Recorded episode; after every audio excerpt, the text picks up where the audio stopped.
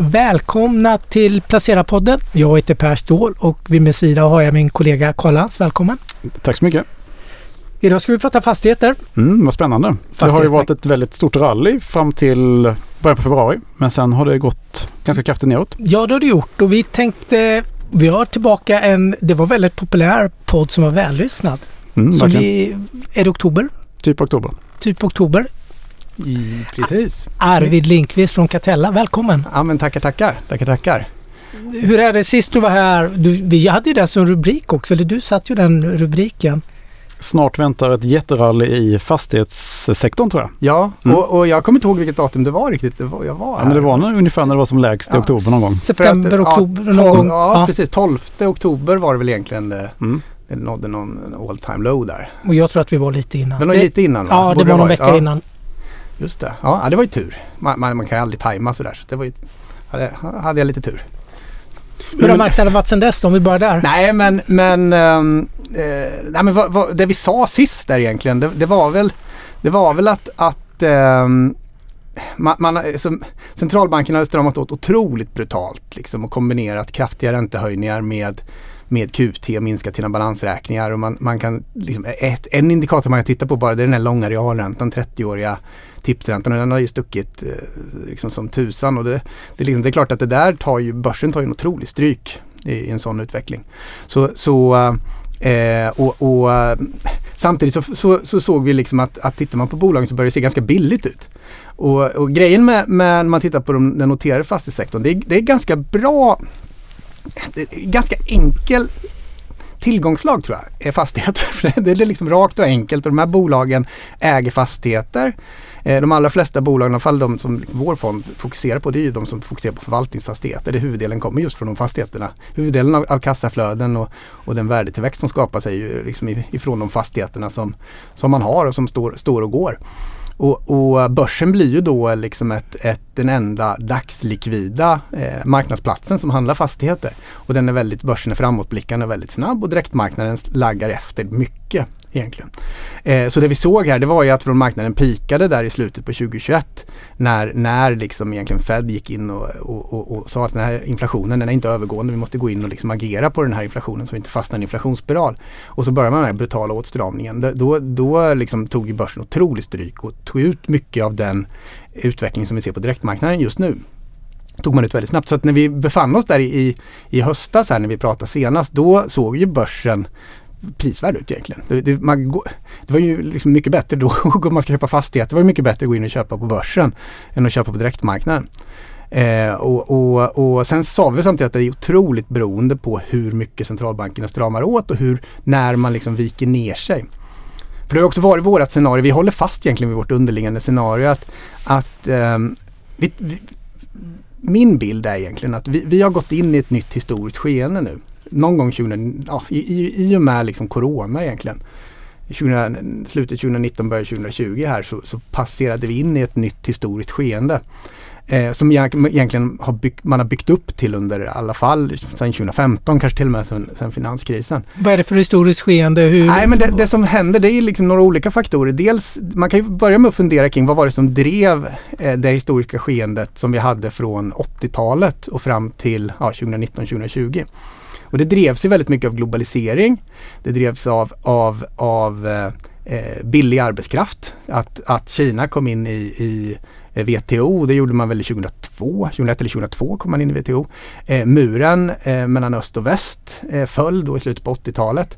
Eh, man hade Reagan, Reagan man hade eh, Margaret Thatcher eh, som drev en väldigt liksom, liberal liberal politik. Och, och fokus var verkligen på, på eh, ja, men, företagande, företagsvinster och, och eh, framförallt så var det stora liksom, arbetskrafter. Det var, eh, i både hela östblocket och Kina som kom in i världsekonomin och pressade priserna väldigt mycket. Och samtidigt som man hade en, en gynnsam demografisk utveckling. Man befann sig i det man kallar för liksom en demografisk dividend, en demografisk utdelning av, av liksom den, de eh, boomande generationer efter andra världskriget som kom ut och blev arbetsföra. Man hade väldigt mycket arbetsföra människor. Eh, så, så det här tryckte ju liksom eh, tryckte ner priserna och tryckte ner inflationen över hela, över hela världen. Och dessutom så hade man en fossilboom, liksom. man hade väldigt billig energi. Eh, och så globalisering, billig arbetskraft, billig energi genererar i sin tur eftersom man gick över till centralbanker som var eh, inflationsmålsfokuserade väldigt billigt kapital.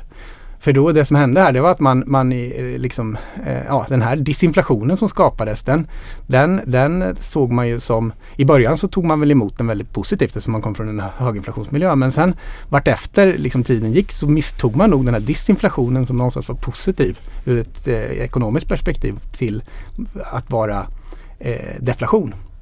Eh, och man, började, man byggde upp väldigt höga skulder i och med att räntorna gick ner och man blev orolig för att man skulle hamna i en, i en Eh, Eh, en, en, situation när, när eh, eh, man helt enkelt inte kan, kan ja, skulderna blir för höga, man kan inte hålla upp, hålla upp tillväxten och och därför så, så, så stimulerar man ännu mer just för att hamnar man i en, in liksom en deflationssituation med höga skulder så kan det, kan, kan det leda till liksom en spiral neråt. Eh, så att här drev man ju upp tillgångspriserna otroligt mycket liksom, eh, under en period. Eh, och, och det där, det där liksom pågår ju med en skulduppbyggnad och det blev allt, liksom, allt, allt sämre kapitalallokering i ekonomin, i globala ekonomin under den här perioden också. Eh, och det ledde ju till, till eh, ja, vi hade ju ett antal, vi hade IT-bubblan, sen hade vi ju eh, den här stora, stora amerikanska eh, bubblan här, husbubblan, 2008, 2009. Finanskrisen. Finanskrisen.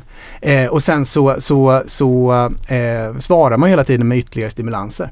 Eh, och, men sen så någonstans här så började det liksom tippa över med, med eh, eh, väldigt svag eh, liksom löneutveckling. För någonstans fick ju arbetskraften i, i västvärlden betala för den här disinflationen och, och den här stenhårda konkurrensen. Man flyttade ut väldigt mycket industri till, till emerging market så att säga. Eh, och globalisering blev väl mindre och mindre populärt när man, när man såg liksom att det här gynnade den rika delen av, av ekonomin så att säga på, på, på, på eh, ja, medel, låg och höginkomsttagarnas bekostnad så att säga. Och, och eh, mer och mer, alltså vi, vi hade Brexit, vi såg mer och mer eh, populism och, och, och, Trump kom till makten och så vidare. Och, och samtidigt så, så liksom började ju Ryssland och, och, Kina också liksom gradvis motarbeta det här. Det här man, man, kallar det här för the, the, the order, den amerikanska eh, globala systemet som underbyggdes av amerikanska militären egentligen, den fria globaliseringen och fri, fri eh, världshandel och så vidare. Eh, och sen så, så eh, ja, Kina och Ryssland så börjar motarbeta det här och sen så har vi liksom kommit in i en gradvis i en ny fas nu. När, när, och, det var väl egentligen pandemin någonstans som triggade igång det här. När man ser istället en ganska tydlig trend med deglobalisering. Vi ser demografiskt väldigt snabb utveckling nu när befolkningen åldras. Och det där har vi sett i västvärlden länge men nu ser vi det i emerging markets också. I Kina såg vi här för några månader sedan att, att befolkningen faktiskt minskar. Eh, och, och liksom ju snabbare man har industrialiserats, ju snabbare går den här processen med att, att man föder mindre barn helt enkelt. Eh, så att, en, en svagare demografisk utveckling leder ju också till ett mindre sparande. Eh, och det leder till en högre inflation eftersom det leder till mindre, mindre arbetskraft. Så det här påverkar ju liksom otroligt mycket. Så jag tror vi går in i en ny historisk fas, eller redan gjort det. Vi befinner oss i en ny historisk fas. Och den innebär eh, högre och mer volatil inflation och det är inte så mycket vi kan göra någonting åt. Jag tror inte centralbankerna kan göra någonting åt inflationen egentligen. Man, man har tagit på sig äran för att få ner inflationen eh, från 80-talet och framåt men det är ju mest strukturella faktorer. Eh, och, och, jag tror att liksom den situation man står i, det finns inte så mycket man kan göra. Utan det drivs av sådana tunga, stora, globala, globala faktorer. Det går inte att göra om man inte ska liksom, döda ekonomin, döda efterfrågan. Det, det, kan man göra. Mm. Och, och, och, trycka ner liksom, ekonomin i en, en eh, permanent eh, eh, recession liksom för att, för att hålla ner inflationen. Men, men, men, sist du var här så vet jag att du, du pratade precis om det här att eh, centralbankerna kommer att höja räntan tills någonting går sönder sa du då? Ja, ungefär. och det, det, kommer man att göra. Man, man, man, kommer ju, man har ju sitt inflationsmål och det där vill man inte släppa för det är en trovärdighetsfråga. Så att det, det, som händer nu är att man, man, man kommer vara väldigt stram och det, signalerna från USA är ju att man är väldigt stram. Det vi såg den här återhämtningen efter oktober här, eh, från mitten av oktober fram till det var väl det pikade vi egentligen den 2 februari tror jag. Eh, under, under, den perioden så, så var det ju just att man såg lite eh, bättre signaler avseende, avseende inflationen. Man såg att det här, det här mattas nog av nu. Och, och så, så, såg man att de här eh, till exempel Fed, Fed Futures Rates eh, indikerade en, kanske lite färre höjningar och sen så en, en eh, sänkningsperiod under andra halvåret 2023 redan. Eh, så, så, och det var ju liksom mycket baserat på den utvecklingen som, som och räntorna gick ner. Och den här långa realräntan gick ner. Och det var mycket utifrån den utvecklingen vi såg den här kraftfulla återhämtningen. Det var ett otroligt rally egentligen vi såg. Det var över, det, vi tittar på snitt på, på vi tittar på snitt på 32 noterade svenska fastbolag så var det 40% upp. Några månader så var det otroligt kraftig uppgång. Ett riktigt rally. Och sen, men sen så visade det sig att, att inflationen var mer stickig. Man förväntade, och det var egentligen någonting som, som låg i, i, i vårt scenario hela tiden. Att den här, det här Eh, man, man, kommer, man, man, kommer vara hökaktig eh, rätt länge. Och grejen av vad som hände här det var väl att arbetsmarknaden i USA höll emot mycket bättre än förväntat. Eh, och, och löneökningen eh, liksom på, på, arbetsmarknaden var, var, högre än väntat. Och man såg att kärninflationen var högre än väntat både i USA och, och euroområdet. Och, och, och då så ser man nu sista månaden här så har man justerat förväntningarna avseende eh, räntebanan och justerat upp den ganska mycket och man har förlängt den. Och sen dessutom har det varit uttalanden från i både ECB och Fed om att ja, men här, vi kommer strama åt mycket och vi kommer ligga kvar länge och sådär. Och så ser vi utvecklingen på börsen. Det, det går liksom eh, Pro Problemet för Sverige är att Sverige är i ett dåligt läge. Vi hamnar i kläm här. Det är lite kanariefågeln. Ja, det, jag tror att vi, vi har ju som sagt i vår analysklubb så har vi ju ett, ett, ett antal internationella stora tunga investerare också. Vi har ganska kontinuerlig dialog. De är väldigt intresserade av Sverige. Men då är de intresserade av Sverige just som den här kanariefågeln. Och, och titta på, det är Sverige, Kanada, Australien, det är några, ett antal länder, UK också, som, som har hög skuldsättning hos hushållen och relativt kort skuld hos hushållen. Och, och Sverige är väl extremt, alltså de, man, flera av de andra länderna har högre skuldsättning än Sverige. Men Sverige har extremt kort eh, eh räntebindning hos USA. Så att Sverige blir ett väldigt intressant koncept att titta på. Eh, och, och, ja, och men det gäller både privat eh, personers eh, förmögenhet och även stort och mycket de noterade fastighetsbolagen ja, också? Eller? Ja, men egentligen är det, det alltså våra, våra noterade fastighetssektor är ju egentligen ganska högt skuldsatt också om man tittar med... Och den har ganska kort ja, relativt kort skuldbindning om du tittar också, internationellt. Ja, fast den är ju, läng, den är ju liksom generellt sett längre kanske än hushållen. Hushållen ligger väldigt, väldigt, väldigt kort. Det, det slår ju, i, i, i många fall så slår det ju på tre månader. De, de, de förändringarna som görs. Eh, men problemet i ekonomisk tillväxt nu det är ju att, att de här ränteökningarna som vi ser för, för grejen är att Riksbanken kan ju liksom, har ju väldigt svårt att föra en helt självständig penningpolitik. Man följer ju Fed och ECB.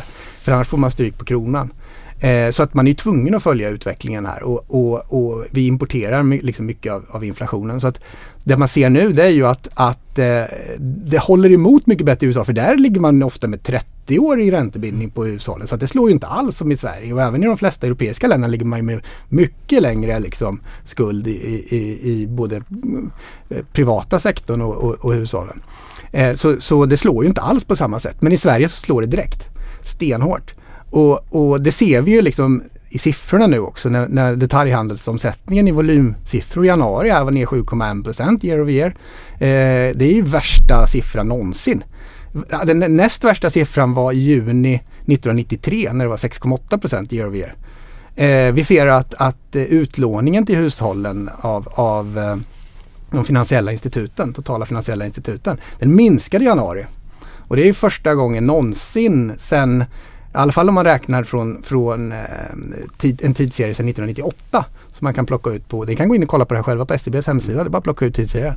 Från 1998, det har aldrig minskat någon månad tidigare. Eh, och, och, så, så, så, och det här minskar i nominella siffror. Mm. om man vill kan man ju liksom beakta att vi har lite inflation också. Men, men eh, så, så det här är liksom, det, det, det, det, blir en hård, i Sverige blir det en hård landning och vi hamnar i kläm här. För vi skulle nog egentligen behöva Men, men kan, det jämf kan det jämföras med 90-talskrisen tror du? Det som? Eh, ja, men jag tror ur ett svenskt perspektiv som det ser ut nu så ser det nästan eh, inhemska efterfrågan nästan värre ut än 90-talet. Mm. Eh, men sen kommer förloppet nog vara annorlunda. Det kommer inte vara inriktat på en bankkris och det kommer inte vara inriktat på kommersiella fastigheter på samma sätt. Men det ekonomiska förloppet ser riktigt, riktigt dåligt ut. Mm. Eh, som, som det ser ut just nu och så får vi hoppas att det inte blir så. Vi har, vi har liksom en sån här ledande index för tillväxten och den, den faller ju handlöst. Eh, vi har dels ett index, sen har vi en indikator och indexet, det, då tittar man kanske ett halvår framåt. Och, och det har väldigt stark, eh, eh, det, det, fall, det, det liksom avviker nästan aldrig från det där, det där indexet. Det är en mix av tio ledande parametrar till tillväxten och den faller ner i en year over year-takt mot mitten av året på minus 3,6 procent. Mm. Men sen har vi en indikator också som har lägre sannolikhet för det är färre parametrar. Och den är, ganska bra men inte lika bra.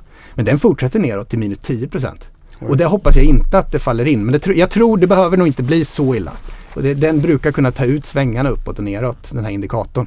Mm. Men, men po poängen är väl att det finns liksom ingen, det finns ingen signal på att det bottnar ur på något sätt. Mm. Utan jag tror att i år blir det en riktig rykarrecession. Och problemet är ju att man hamnar, svensk ekonomi hamnar i, i, i eh, man, man, hamnar i, i, i kläm lite grann just när man, när man stramar åt liksom i, i eh, ja, USA, euroområdet och där finns det mer, det tar längre tid när det slår igenom. Så att, så att, och det kommer bli, det är klart, liksom, yieldkurvan tre månader, alltså eh, tioåringen minus tre månader är ju negativ i USA och det är ju en supersäker indikator på att det kommer bli recession. Så det blir säkert recession. Det kommer säkert komma mot slutet av året någon gång.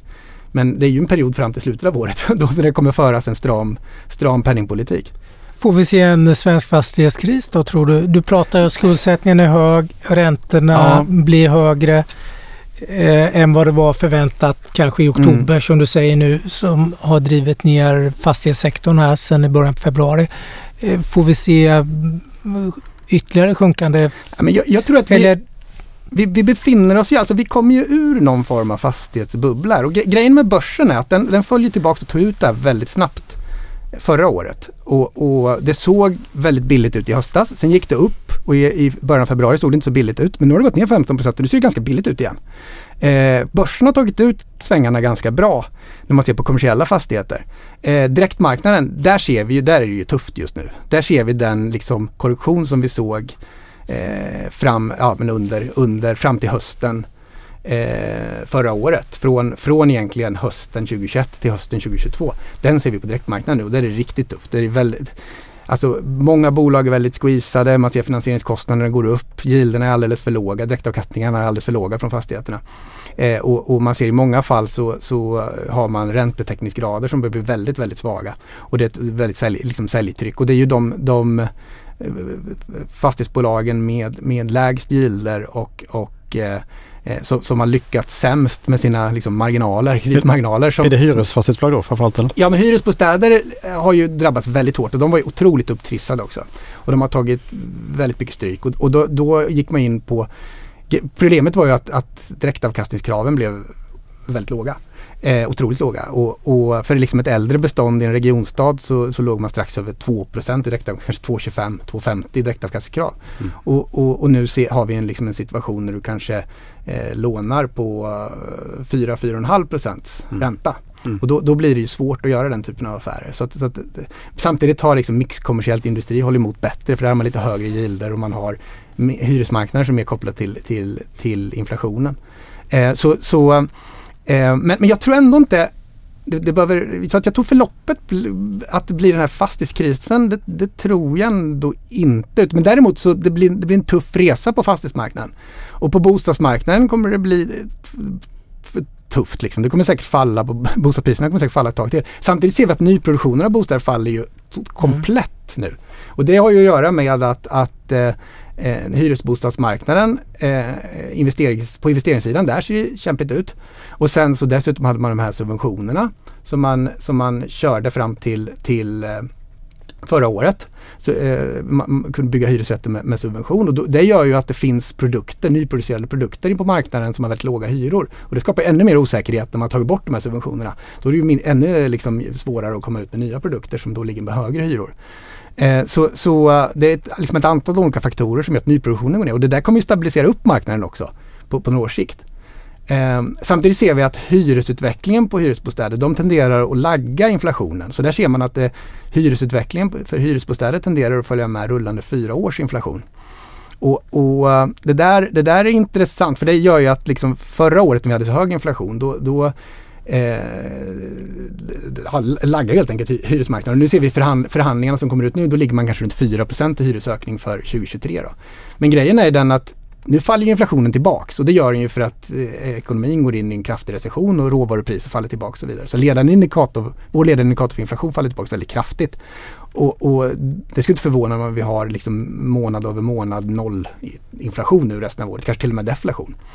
Eh, men ändå eh, så, så i en sån utveckling då, då, kanske vi hamnar på en oktoberinflation. För oktoberinflationen i fastigheter är alltid viktig. För den, det är ju den man sätter indexen efter. Så då kanske vi hamnar på en oktoberinflation här på om vi har noll, nolltillväxt resten av året, då hamnar vi kanske på 2% ungefär i oktober. Och, och, då kan faktiskt hyresbostäderna leverera ganska bra för då kommer ju de lagga. Så då kommer man säkert ligga på en bättre hyrestillväxt på hyresbostadsmarknaden. Eh, samtidigt som man har väldigt stabila kassaflöden, man har inga vakanser, man har en utbud efterfrågemix som ser mycket bättre ut framöver. Eh, och då är det enda som behöver, behöver göras då är det att justera upp gilderna och sen så har du en, ett, liksom ett bra tillgångslag. Mm. Så att jag tror det här kan variera också eh, ganska tydligt. Eh, samtidigt som, som det vi ser nu det är att det blir mer konkurser och då kanske det blir tuffare för kommersiella fastigheter, kontor och särskilt, särskilt kontor kanske utanför de bra lägena i storstäderna, regionstäder. Då, då kan man ha tufft då att få ut, eh, ja, du, du, får helt enkelt kon konkurser och, och, man ser att det, det blir, det, det, det, blir redan nu liksom den här liksom indexökningen man hade. Det kanske kan vara svårt för marknadshyrorna att hänga med de här 11 procenten upp som vi hade i oktober förra året. Då. Och, så, så att, så att eh, jag, jag, tror att det är en kraftfull justering som görs nu på marknaden. Den justeringen har mångt och mycket redan gjorts på, på aktiemarknaden och nu sker den på direktmarknaden. Mm. Eh, men, men vad som händer när man kommer ut ur det här det är att jag tror att fastighetssektorn kommer ha en, vara en väldigt attraktiv tillgång för att fastigheter är ändå en real tillgång. Mm. Och en, har man en hög volatil inflation då, då kommer fastigheter ut ganska bra över tid. Och det är ju för att du generellt sett har hyresmarknader som, som, som hänger med inflationen på ett eller annat sätt. De beter sig väldigt olika de här 30 segmenten vi tittar på. Men på ett, de allra flesta segmenten har någon form av koppling till, till inflation eller, eller tillväxt, till ekonomisk utveckling. Och, och, eller så har du liksom mark i storstäder och de tenderar att följa med den allmänna ekonomiska utvecklingen också. Alltså själva mark, mark, markpriserna. Så mark eh, är en ändlig resurs i storstäder. Så att säga. Eh, så, så eh, jag tror ändå att den här reala egenskapen som fastigheter har kommer ut som väldigt attraktiv i en mer höginflationsmiljö. Men det där medför också att de som investerar i fastigheter måste ha mycket lägre belåning. För man klarar inte att, högre nominella räntor, då klarar man inte att, att bära de nivåerna på skuld som man haft innan. Jag tänkte, jag var och lyssnade på dig på Moody's fastighetsdag. Ja, ja, ja. Det var början på december. Ja, ja. Och då var det ju väldigt mycket fokus, dels på det här, får man kalla det skuldberg, men det är ju väldigt mycket eh, obligationer hos fastighetsbolagen ja, ja. som eh, ska rullas eller eh, de närma, i år och de kommande åren här då. Det pratas om det som ett visst orosmoment och att vissa fastighetsbolag måste sälja. Mm. Eh, och man får sälja det bästa man har lite och sådär för det är det som är mest likvitt och sådär. Ser du någon risk där nu när man har, kanske höjer eh, bara sen vi var där, det är ju mm. ungefär mm. tre månader sedan. Ja, ja, precis. Eh, har man ju ändå kanske lite högre ränteantagande mm, nu mm. och mm. eh, det är högre räntor för ja, längre och hela ja. det här scenariot. Eh, kommer det att stöka till svensk kommersiell fastighetsmarknad? Ja, men man har ju mycket obligationer. Obligationerna var väl en barn av sin tid. Liksom. De var ju barn av extremt expansiv eh, penningpolitik och, och just obligationsköp av, av ECB och även Riksbanken. Eh, så, så det är klart att de här är väldigt mycket en effekt av expansiv penningpolitik. Jag, jag tror att över tid så obligationsmarknaden är, kommer nog vara en marginell företeelse egentligen på fastighetsmarknaden. För att fastigheter är ju en tillgång som man kan ha, använda som säkerhet för att, liksom, och pant för, för, för att låna helt enkelt. Eh, det är väl det, liksom det mest naturliga. Ja, det är en bra pant för den ja, flyttar bra. inte på sig. Nej, den står där den står. Ja, det är ju en av egenskaperna med fastigheter, liksom, att man liksom ska, ska ha så lite pantsats som möjligt. Det, det, är, det är liksom lite kontraintuitivt på något sätt. Och jag tror att det är en, det är en effekt, de här konstiga effekterna som den här penningpolitiken har, har skapat. Den har liksom ändrat på underliggande eh, grundförutsättningar liksom i branschen. Den har skapat eh, fel allokering av kapital och sådana här konstiga effekter just att man inte ska pantsätta sina fastigheter. Jag tror att det blir mer en rörelse mot att man pantsätter sina fastigheter. Man har banklån eller man har annan typ av säkerställd eh, skuld. Och, och, och, man har obligationer men det är mer på marginalen. Och nu ser vi att obligationsmarknaden är mycket dyrare än bank, bankfinansiering. Även om obligationsspreadarna på obligationsmarknaden har kommit ner i linje med att liksom börsen har återhämtat sig här fram till, eh, till, till en månad sedan Eh, så, så, under den perioden så, så kom spreadarna ner på obligationsmarknaden också men de ligger fortfarande hö högt. Och man har, det, spreadarna är generellt sett någonstans mellan 200 och 600 punkter baserat på risknivå i, i, i de noterade bolagen.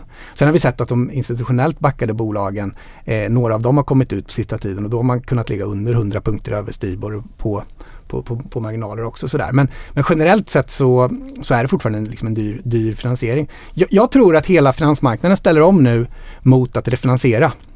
Det, det, här, det här är ett maratonlopp. Det här, det här kommer liksom inte, det finns alltid en puckel. Obligationsmarknaden fungerar så och med den, eh, den kreditbindning vi har så funkar det så att det är alltid 18 månader fram en puckel att refinansiera. Så, är det alltid, så har det alltid sett ut. Och det där är alltid ett problem när det är kärvt på obligationsmarknaden. Och nu kommer liksom marknaden kommer få ställa om till att, refinansiera den här skulden. Vi har den här skuldbördan och, och, och, man kommer hela tiden få kämpa med liksom att, att refinansiera det här och gradvis så kommer man liksom röra sig bort från obligationsmarknaden och in i annan skuld och det kommer krävas nytt eget kapital också. Eh, och i takt också med att, att, att eh, man, man plockar ner värdena på, på direktmarknaden. Eh, men, men eh, och det här har redan tagits ut till stora delar på, på, på, på börsen. Sen, sen, är det ju så liksom att eh, de noterade bolagen såg dyra ut i början på februari. Nu, nu ser de mycket bättre ut. Det kan mycket väl vara så att det faller ett, ett, ett tag till. Men, men eh, jag tror det, det skulle nog räcka. Alltså marknaden är så konstig och volatil och det är väldigt konstig prissättning mellan bolagen. Det känns som att aktiemarknaden vet varken ut eller in just nu. Och jag tror ibland så undrar man om aktiemarknaden överhuvudtaget kan räkna med tanke på den otroliga. Men det är ju att vissa bolag är väldigt illikvida så att det kan bli, bli liksom väldigt konstiga förändringar. Eh, det räcker med att det blir ett par, en eller ett par månads eh, inflationssiffror i USA som blir väldigt låga under förväntan så kommer det bli superrally tror jag. Men ett superrally till alltså? Ja det kan det bli och det kan falla tillbaks igen så det kan bli volatilt. Mm. Men jag tror att det riktiga superrallyt mm och det vi pratade om förra gången, mm. det ligger fortfarande framöver oss. Och det kommer när det blir uppenbart för centralbankerna. Eller det finns egentligen två, två scenarier man kan spela upp här som mm. är ganska mm. eh, tro, troliga. Spela upp båda. Eh, det första scenariot det är att, att eh, man hamnar in, i, en, i en situation när det jag snackar om bara var skitsnack, de här strukturella faktorerna. Det var inte så. Mm. Eh, det var fel. Eh, det, det, var, det visade sig att globaliseringen är seg. Liksom. Det går den fortsätter helt enkelt. Ja men den fortsätter. Det går inte att ändra på den. Och det här med, med, med, med ESG och fossila bränslen. Det går bra att ersätta det där med, med förnyelsebart. Man kan plocka in lite kärnkraft och så funkar det. Då har du billig energi. Mm. Eh, och och, och den demograf demografiska utvecklingen. Nej men man jobbar lite längre så överbrygger man det där också. Mm. Och sen så kommer Eh, ja, på något magiskt sätt så lyckas man få fram Men lite man höjer barn. pensionsåldern. Ja, man höjer pensionsåldern och lyckas få, få, fram lite fler barn gradvis. Sådär. Eh, så, så, så, att vi kommer tillbaka till en situation där vi faktiskt kan, kan, kan ha en hyfsad tillväxt och, och, och en, en, en fortsatt låg ränta. Eh, någon form av Goldilocks-utveckling. Och, och, kommer där fram då, kom, då kommer ju central, behöver inte centralbankerna strama åt längre för då har man en, en bra eh, tillväxtpotential i ekonomin och, och, då kommer det bli liksom ett lättnadsrally. Och i, i det läget eh, om man ser att man kanske anpassar sig till en, i, till en, till en inflation som ligger eh, runt 1,5-2 procent, eller 2 procent och, och, en viss realränta så kanske man ligger eh, på, på liksom, eh, en, en uh, räntenivå. På, på, säg, att du ligger, du, du, säg att du ligger på 2-3 procent och fortsatt expansiv, det fortsatt disinflationstryck och ganska expansiva centralbanker. Då är, det, då är det billigt. Då blir det ett rally. Mm. När det här blir uppenbart i marknaden då kommer det bli ett, ett rally. Om det här andra alternativet Eh, andra scenariot som skulle kunna spela ut som, som mer jag tror på. Där vi faktiskt hamnar i en, en vi, vi, har gått in i en ny fas i historien. Och vi hamnar på en, en högre och mer volatil inflation. Vi, vi kanske, centralbankerna får helt enkelt de, in, eller de, de inser vid någon tidpunkt att det går liksom inte påverka de här utbudsfaktorerna. Kan det vara så att de höjer inflationsmålet? De höjer inflationsmålet exakt till 3-4 procent, kanske höjer till 4 procent till och med. För att det går ganska bra att få ner inflationen långsiktigt till 3-4 procent. Mm. Men att ta den från 4 procent till 2 procent, då krävs det högre arbetslöshet och då blir det väldigt politiskt dyrt mm. och plågsamt för, för, för folk. Och då, då, då blir politikerna upprörda. Eh, och då får centralbankerna ett politiskt tryck på sig. Så då höjer man inflationsmålet till, till 4% och sen så ligger man med väldigt låg realränta. Så då ligger du på kanske en riskfri eh, långränta på runt 4% och sen så har du 150 punkters marginal på det. Då ligger du på 5,5% finansieringskostnad. Och, och eh, men men eh, eh, samtidigt så, så i och med att centralbankerna höjer sitt inflationsmål eh, då, då blir det ju en, en liksom rusning mot realtillgångar också. Mm. Och då kan fastigheter ta den här, den här nischen i, i, i där man faktiskt eh, det, det behöver bli en lite annan struktur på marknaden. Man behöver få lite lägre, lägre belåning. Man kan inte jobba med liksom obligationsfinansiering på samma sätt. Men samtidigt så blir det en efterfrågan just på den här real, realaspekten. Och där man har just eh, driftnetton som följer inflationen bra över tid. Och du kanske har fastigheter i storstäder där, där, där själva fastigheten, själva, själva marken hänger med den ekonomiska utvecklingen.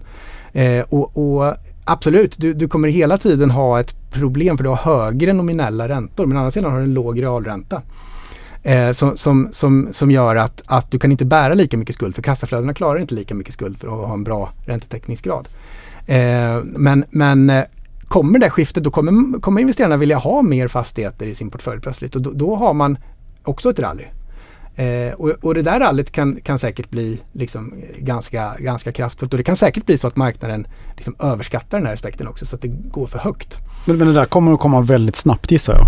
Om det, eh, om, om det kommer ett sånt här att man höjer inflationsmålet då kan du tänka dig att rallyt kommer nästan dagen efter? Eh, ja, men marknaden räknar mm. in det väldigt snabbt. Väldigt snabbt. Och, det, och det kan, de kan säkert överskatta det här också. Så att mm. rallyt blir mycket kraftfullare än vad det borde vara. Mm. Så att man kommer från en nivå där, där, marknaden ser billig ut till en nivå där den ser dyr ut. Mm. Då pratar vi en dubbling. Eller jag tänkte sist från botten när vi var i oktober. Då var det, vad sa den, 40 procent Ja, det är drygt för liksom 40 procent. Nej men det, det, det, det, kan säkert, det, är så volatil marknad.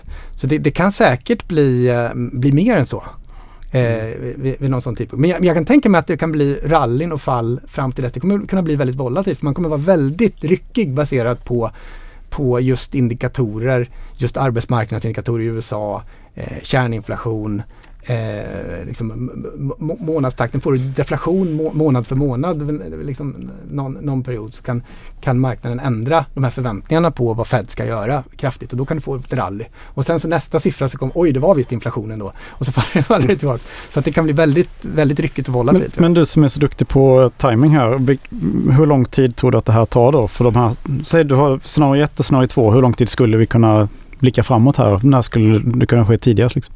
Ja, men jag, jag, jag kan tänka mig att eh, liksom det man ser utifrån liksom amerikansk ekonomi, för det kommer vara amerikansk ekonomi som styr där väldigt mycket, mm. så, så är det mycket som tyder på, det, för det första så har ju den här yieldkurvan 10-3-åringen, eh, den har ju inverterat, den är superinverterad och är sedan i höstas inverterad. Och den har förutspått alla recessioner sedan mitten av 60-talet. Mm. Eh, det var 1966 tror jag så missade den. Då, då det var en recession den inte förutspådde. Men i övrigt så, så har den prickat in liksom alla recessioner.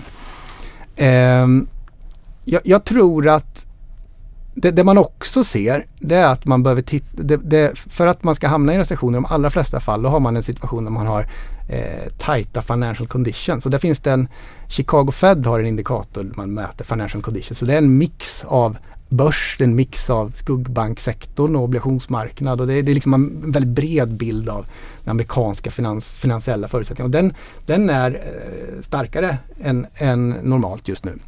Baserat just på att börsen har gått starkt liksom fram, till, fram till för några veckor sedan. Eh, och att, att spreadarna har tryckts ihop och sådär. Eh, den behöver nog också tajtas, tajt, tajtas åt. För det, det, den, nästan alla recessioner så, så har man tajta financial conditions innan man går in i en, i en recession. Eh, sen dessutom så är det ganska mycket som tyder på att amerikansk data var lite starkare än, än befarat i början av året baserat på att det varit problem med säsongsjusteringsfaktorer. Så det kan vara en faktor. Eh, och sen så är det ganska mycket som tyder på att här, eh, man byggde upp eh, sparandet mycket under pandemin i USA tack vare eh, de checkarna och, ja, checkarna och de här stimulanserna från, från staten och så vidare. Och att man någonstans äter upp sitt sparande. Så, så att under andra halvåret finns det nog, liksom, analytiker tror att under andra halvåret så är det ganska rimligt att amerikansk tillväxt försvagas ganska mycket. Och då kanske gradvis de här höga räntorna börjar bita lite grann också. Eh, så, så, och, och det vore ju liksom ett under ifall amerikansk ekonomi inte tippar ner i en recession. Jag tror att de här no-landing som pratades om, ja, men det, det, är nog rätt osannolikt liksom. Utan recession, det, det vore eh, rätt, rätt otroligt om man inte skulle hamna i en recession. Frågan är mer när den här recessionen kommer. Men, men säg att den kommer i, liksom i, i, i, slutet, i slutet på året. Då, då eh, då, då, är vi nog liksom i ett läge när, när om man börjar, man börjar sänka, då, då är vi nog i ett läge när, när, när, när det kommer kunna bli liksom ett rally på... Så, och då borde börsen vara lite före kanske, så då ja. kanske det blir i oktober igen liksom? Och frågan är ju bara om marknaden, om vi hamnar i ett läge där man faktiskt reviderar upp inflationsmålet då, eller om det kommer senare. Mm. Eh, för att samtidigt som det här händer, inflationen kommer ju falla tillbaka också. Mm. Eh, och inflation är ju extremt svårt Alltså inflation, för, förespå inflation det är liksom det svåraste. Förespå ekonomisk tillväxt egentligen mycket lättare än inflation. För inflationen är en ingående ledande parameter till ekonomisk tillväxt som ligger, som, som, som ligger liksom något år före. Eh, så, så eh, det, det, hur mycket inflationen faller tillbaka. Om, om, om inflationen fortfarande sticker och, och kinesisk tillväxt eh, liksom håller emot eftersom man liksom öppnar upp där och där taktar man på och man får upp liksom råvarupriser och så vidare. Eh, ja, men då kanske det kan gå lite snabbare att, att centralbankerna här, antingen officiellt eller inofficiellt skiftar upp sina, sina eh, inflationsmål. Eh, det kan ju vara så att man gör inofficiellt, att man fortfarande har ett officiellt inflationsmål men att man faktiskt styr snarare på 3 eller 4 inflation. Eller, eller så dröjer det liksom ytterligare ett tag eh, innan man faktiskt gör det. Men rätta mig om jag har fel, det, hände inte det här på 70-talet också? Att man eh, försökte bromsa in väldigt mycket så 71 mm. och sen märkte man att här har vi tagit i för hårt så vi liksom tvingas släppa på det igen ganska kraftigt. Ja, det är ju där, man, det är där misstaget man inte försöker göra om. Alltså man, man brukar mm. säga att eh, Powell inte vill vara nästa Burns. Mm. Han vill vara Volker. Volker istället. Ja. Burns. Men, men uh, absolut, så att, så att um, och det, det, var väl det att man backade tillbaks för tidigt. Mm. Och, och, och, uh, så, så, och, och, det där är väl liksom därför man hänger i nu och, mm. och, stramar åt tills man faktiskt ser liksom en tydlig försämring i ekonomin. Och, och det är ju där Sverige hamnar lite på pottkanten mm. i och med att vi är mycket räntekänsligare. Eh, så, så, så, svensk ekonomi, ja men det blir en riktig ryka recession. Eh, men det blir nog inte liksom bankkris, fastighetskris på det sättet. Utan, eh, utan det, blir, det, blir, eh, det blir en recession och, och eh, hela fastighetsmarknaden måste sannolikt liksom ställa om till ett nytt liksom historiskt skeende när man har högre finansieringskostnader. Man måste plocka, plocka in nytt, nytt liksom eget kapital. Samtidigt eh, sa, sa, sa, det, det är liksom det, den, den, den mest, mest sannolika utvecklingen tror jag i alla fall på, på, på lite sikt. Och sen det fina med börsen det är att där tar man ut svängarna mm. snabbt. Mm. Eh, och, och, och, har man som vi, vi har ju liksom våran fond där vi, där vi jobbar med vi kallar för relativprismodellen. Så det, där, vi har ju kartlagt alla fastighets, fastigheter i de noterade bolagen och vi har ett universum med 35 bolag. Eh, och, och, kartlagt risken i alla fastigheter. Så vi får ett risk, eh, riskindex liksom egentligen per fastighet. De här olika eh, fastighetsbolagen baserat på 30 fastighetssegment och 290 kommuner i Sverige. Då. Så får vi ett riskindex per bolag och sen så kan vi titta på hur de här bolagen prisas i relation till risken och sen så är det bara ett arbitragespel egentligen. Där vi tittar på bolag som ser billiga ut i relation till sin risk. De hamnar högt i våran ranking. Bolag som ser dyra ut hamnar lågt i våran ranking. Och sen så eh, är det bara så, liksom, det är en systematisk modell som kör enligt, enligt den modellen och hela tiden viktar upp de bolag som ser, ser billiga ut, som har en attraktiv riskjusterad avkastning. Och det fina med det här är att det är väldigt få antaganden. För att, att um, en, en, en, normal förvaltare, man ska säga, mm. de, de gör ju något antagande om ett driftnetto och ett NOI. Man gör ett antagande om ett ebitda i ett bolag. Och man gör ett antagande om ett avkastningskrav och så räknar man fram ett, liksom, någon form av bedömt målpris på, på ett bolag baserat på det där. Eh, vi gör inga antaganden. Vi tittar på faktiskt levererade kassaflöden. Och, och, och vi låter marknaden själv sätta avkastningskravet. Ni behöver inte gissa med andra ord? Nej, vi gissar inte. Vi utgår från data bara för att marknaden sätter ju själv sitt avkastningskrav. Vi har en risk avkastningsregressionslinje som blir avkastningskravet. Och sen så blir det bara ett arbitragespel i relation till den. Så det blir väldigt få antaganden. Vad, vad, vad är det som ser mest attraktivt ut just nu i den här modellen då? Ja, men tittar man på de, de bolagen, det, det, är ju, det är ju ett antal eh, bolag som har legat i, i, i toppen. Jag tar fram har de legat länge i toppen? För det tänker jag på när man håller på med systematik att ja. ibland kan det ju bli ganska stora förändringar i populationen. Ja. Hur, hur har det varit? Nej, det är små bolag som Castellum, Nyfosa, Corem. Eh, vi har, vi har eh, eh, Pandox. Det, det, det, är ett antal bolag liksom som, som, eh, som har legat bra till i, i modellen under en under en längre tid. Eh, nu ska vi se, Diös ligger bra till, Platser ligger bra till. Mm.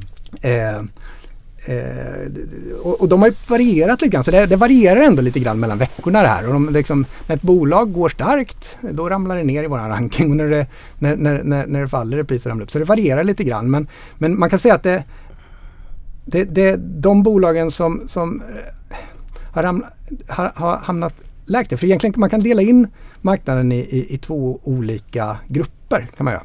Det finns dels, dels de här gamla traditionella bolagen som är mer förvaltningsinriktade och de var eh, bra, liksom kompetenta eh, bolagsledningar. Man har bra förutsättningar avseende liksom kreditmarginaler och, och tillgång på finansiering så att säga och väldigt duktiga på, på förvaltning och sådär. De blev generellt sett, eh, och några av de här bolagen inriktade på kommersiella fastigheter, kontor, eh, Eh, handelsfastigheter. Och de blev generellt sett straffade under perioden liksom fram till, eh, till hösten 2021 den momentumperioden. Utan då gillade marknaden väldigt mycket tillväxtbolag och då var det ju mer liksom finansiellt drivna aktörer. Man, man växte, man satsade på, man hade väldigt låg avkastning.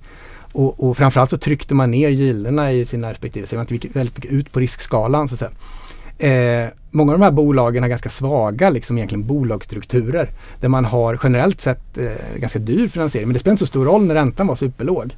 Och sen var det bara tillväxt. Och, och särskilt några bolag som kunde, kunde ha hyresbostäder. Man kunde leverera en trovärdig expansionsstrategi och kanske med egen produktion. Och så här Det spelar ingen roll att det var små kommuner och så vidare som inte har någon tillväxt.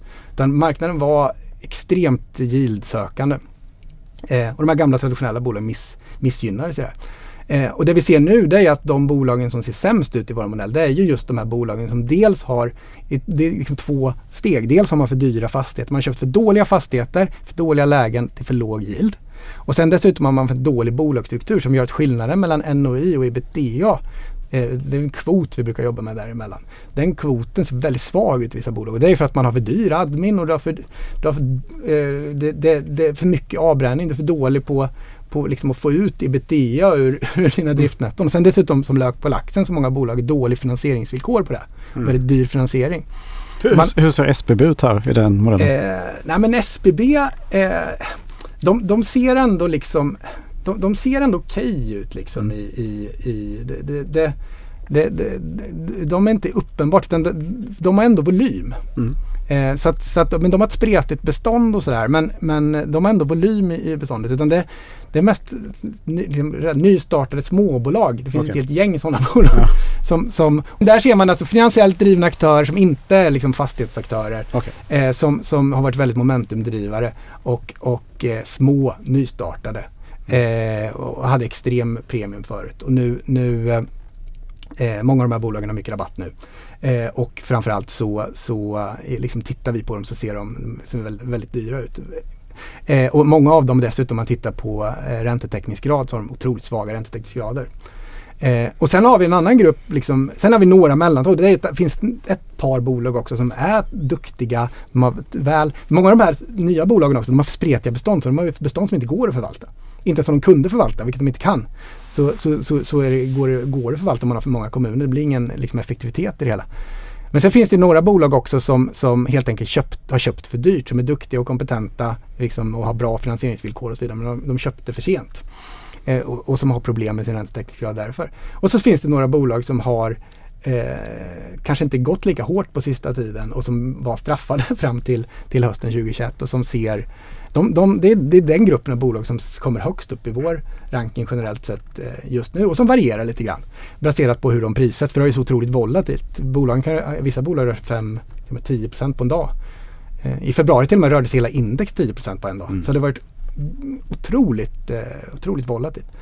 Eh, men, men, nej, men så det vi ser framöver nu i den här, liksom, det, det är liksom en omstrukturering av branschen vi ser och där, där ser vi att framförallt de här bolagen som dels har för dyra, för dåliga eh, fastigheter som de har köpt för dyrt med för låg avkastning i dåliga lägen och som dessutom har en dålig bolagsstruktur. De kommer ju eh, kommer säkert se någon enstaka konkurs. Eh, men inte för många tror jag inte. Men det kommer bli en väldigt... En, men kommer de att slukas då? De jättarna ja, liksom? precis. Det blir strukturaffärer mm. av det här. Eh, så det, det, är det mest, mest troliga. Så, mm. så att, och, och, det där, det här är liksom ett maraton. Det här spelar på direktmarknaden tar det väldigt lång tid. Och affärsvolymerna börjar komma ner lite grann nu. Men det, det är fortfarande liksom, volymmässigt ligger vi fortfarande på ganska normala nivåer. Det är inte så att den som vid finanskrisen eh, 2008 att det var en total liksom, eh, likviditetssqueeze på marknaden utan det, det görs fortfarande affärer fast volymerna kommer ner. Mm. Eh, men, men, men, och det finns, ju, det finns ju väldigt mycket säljare och, och det har varit en, en tydlig justering upp i gilderna på, på, på marknaden, särskilt egentligen på hyresbostäder. Varit en tydlig, tydlig liksom justering upp på, på, på på, på marknaden. Men om jag tolkar det rätt så är det just kanske hyresbostäder där det är, om man skulle bottenfiska i fastighetssektorn nu så är det väl kanske där man ska titta Ja, men du har inte riktigt mm. säljare där heller eh, fullt ut. Så det är alltid problemet. Det, det är det som tar tid. Du måste, köpare och säljare ska mötas och nu börjar man ju gradvis plocka ner värderingarna också. Från Q2 till Q4 så är väl snittet ungefär 30 punkter man har plockat upp sina avkastningskrav. Samtidigt har man ju haft en, i många fall en indexjustering på det där som gjort att sista 12 månaderna så har man ju inte, liksom, då är fortfarande värdena lite, lite, lite högre. Ja, det är någon procent upp liksom i, i, i snitt över 12 månader. Men, men absolut, man börjar plocka upp eh, sina genomsnittliga direktavkastningskrav. Eh, så så, så det, sker, det sker ju en förskjutning men, men de här värde förändringarna de kommer ske, liksom, det, det, tar tid, det kommer ske under hela året. Eh, och jag tror över nästa år också så kommer det, det, det, det vara en omstrukturering som, som kommer pågå. Och sen så har man den här refinansieringspucken som kommer ligga i bakgrunden hela tiden. Mm. Så att direktmarknaden kommer vara väldigt seg och det tar tid liksom innan man pressas fram till, till att göra affärer eh, med, där, där, där man justerar upp direktavkastningskraven. Mm. Det, det, det, tar tid. Det går mycket fortare på börsen. Så det är mycket enklare att, att, att, att handla på, på fortfarande är vi i, i, en position där, där ska man investera i fastigheter så är börsen fortfarande ett bra alternativ. Mm. Och sen vid senare tidpunkt nästa år, då, då, eh, eller slutet på året, eh, i höst kommer det säkert hända mycket tror jag. Och sen nästa år, då, då tror jag att det, det, är läge liksom att börja kika på allvar på direktmarknaden. Mm. Vad bra och jag, vi får ta hit Arvid i höst tycker jag. Ja, definitivt. Och eh, se om marknaden har utvecklats eh, fram till dess. Ja, och se om de här, vilket av de här två scenarierna som kommer att slå in. Ja, det blir spännande att se. Precis, se om vi har kommit närmare någon form av lösning där i höst. Det blir spännande. Mm. Tack så mycket för att Tusen du tack. kom hit. Tack för idag. Tack. Mm. hej. hej. hej.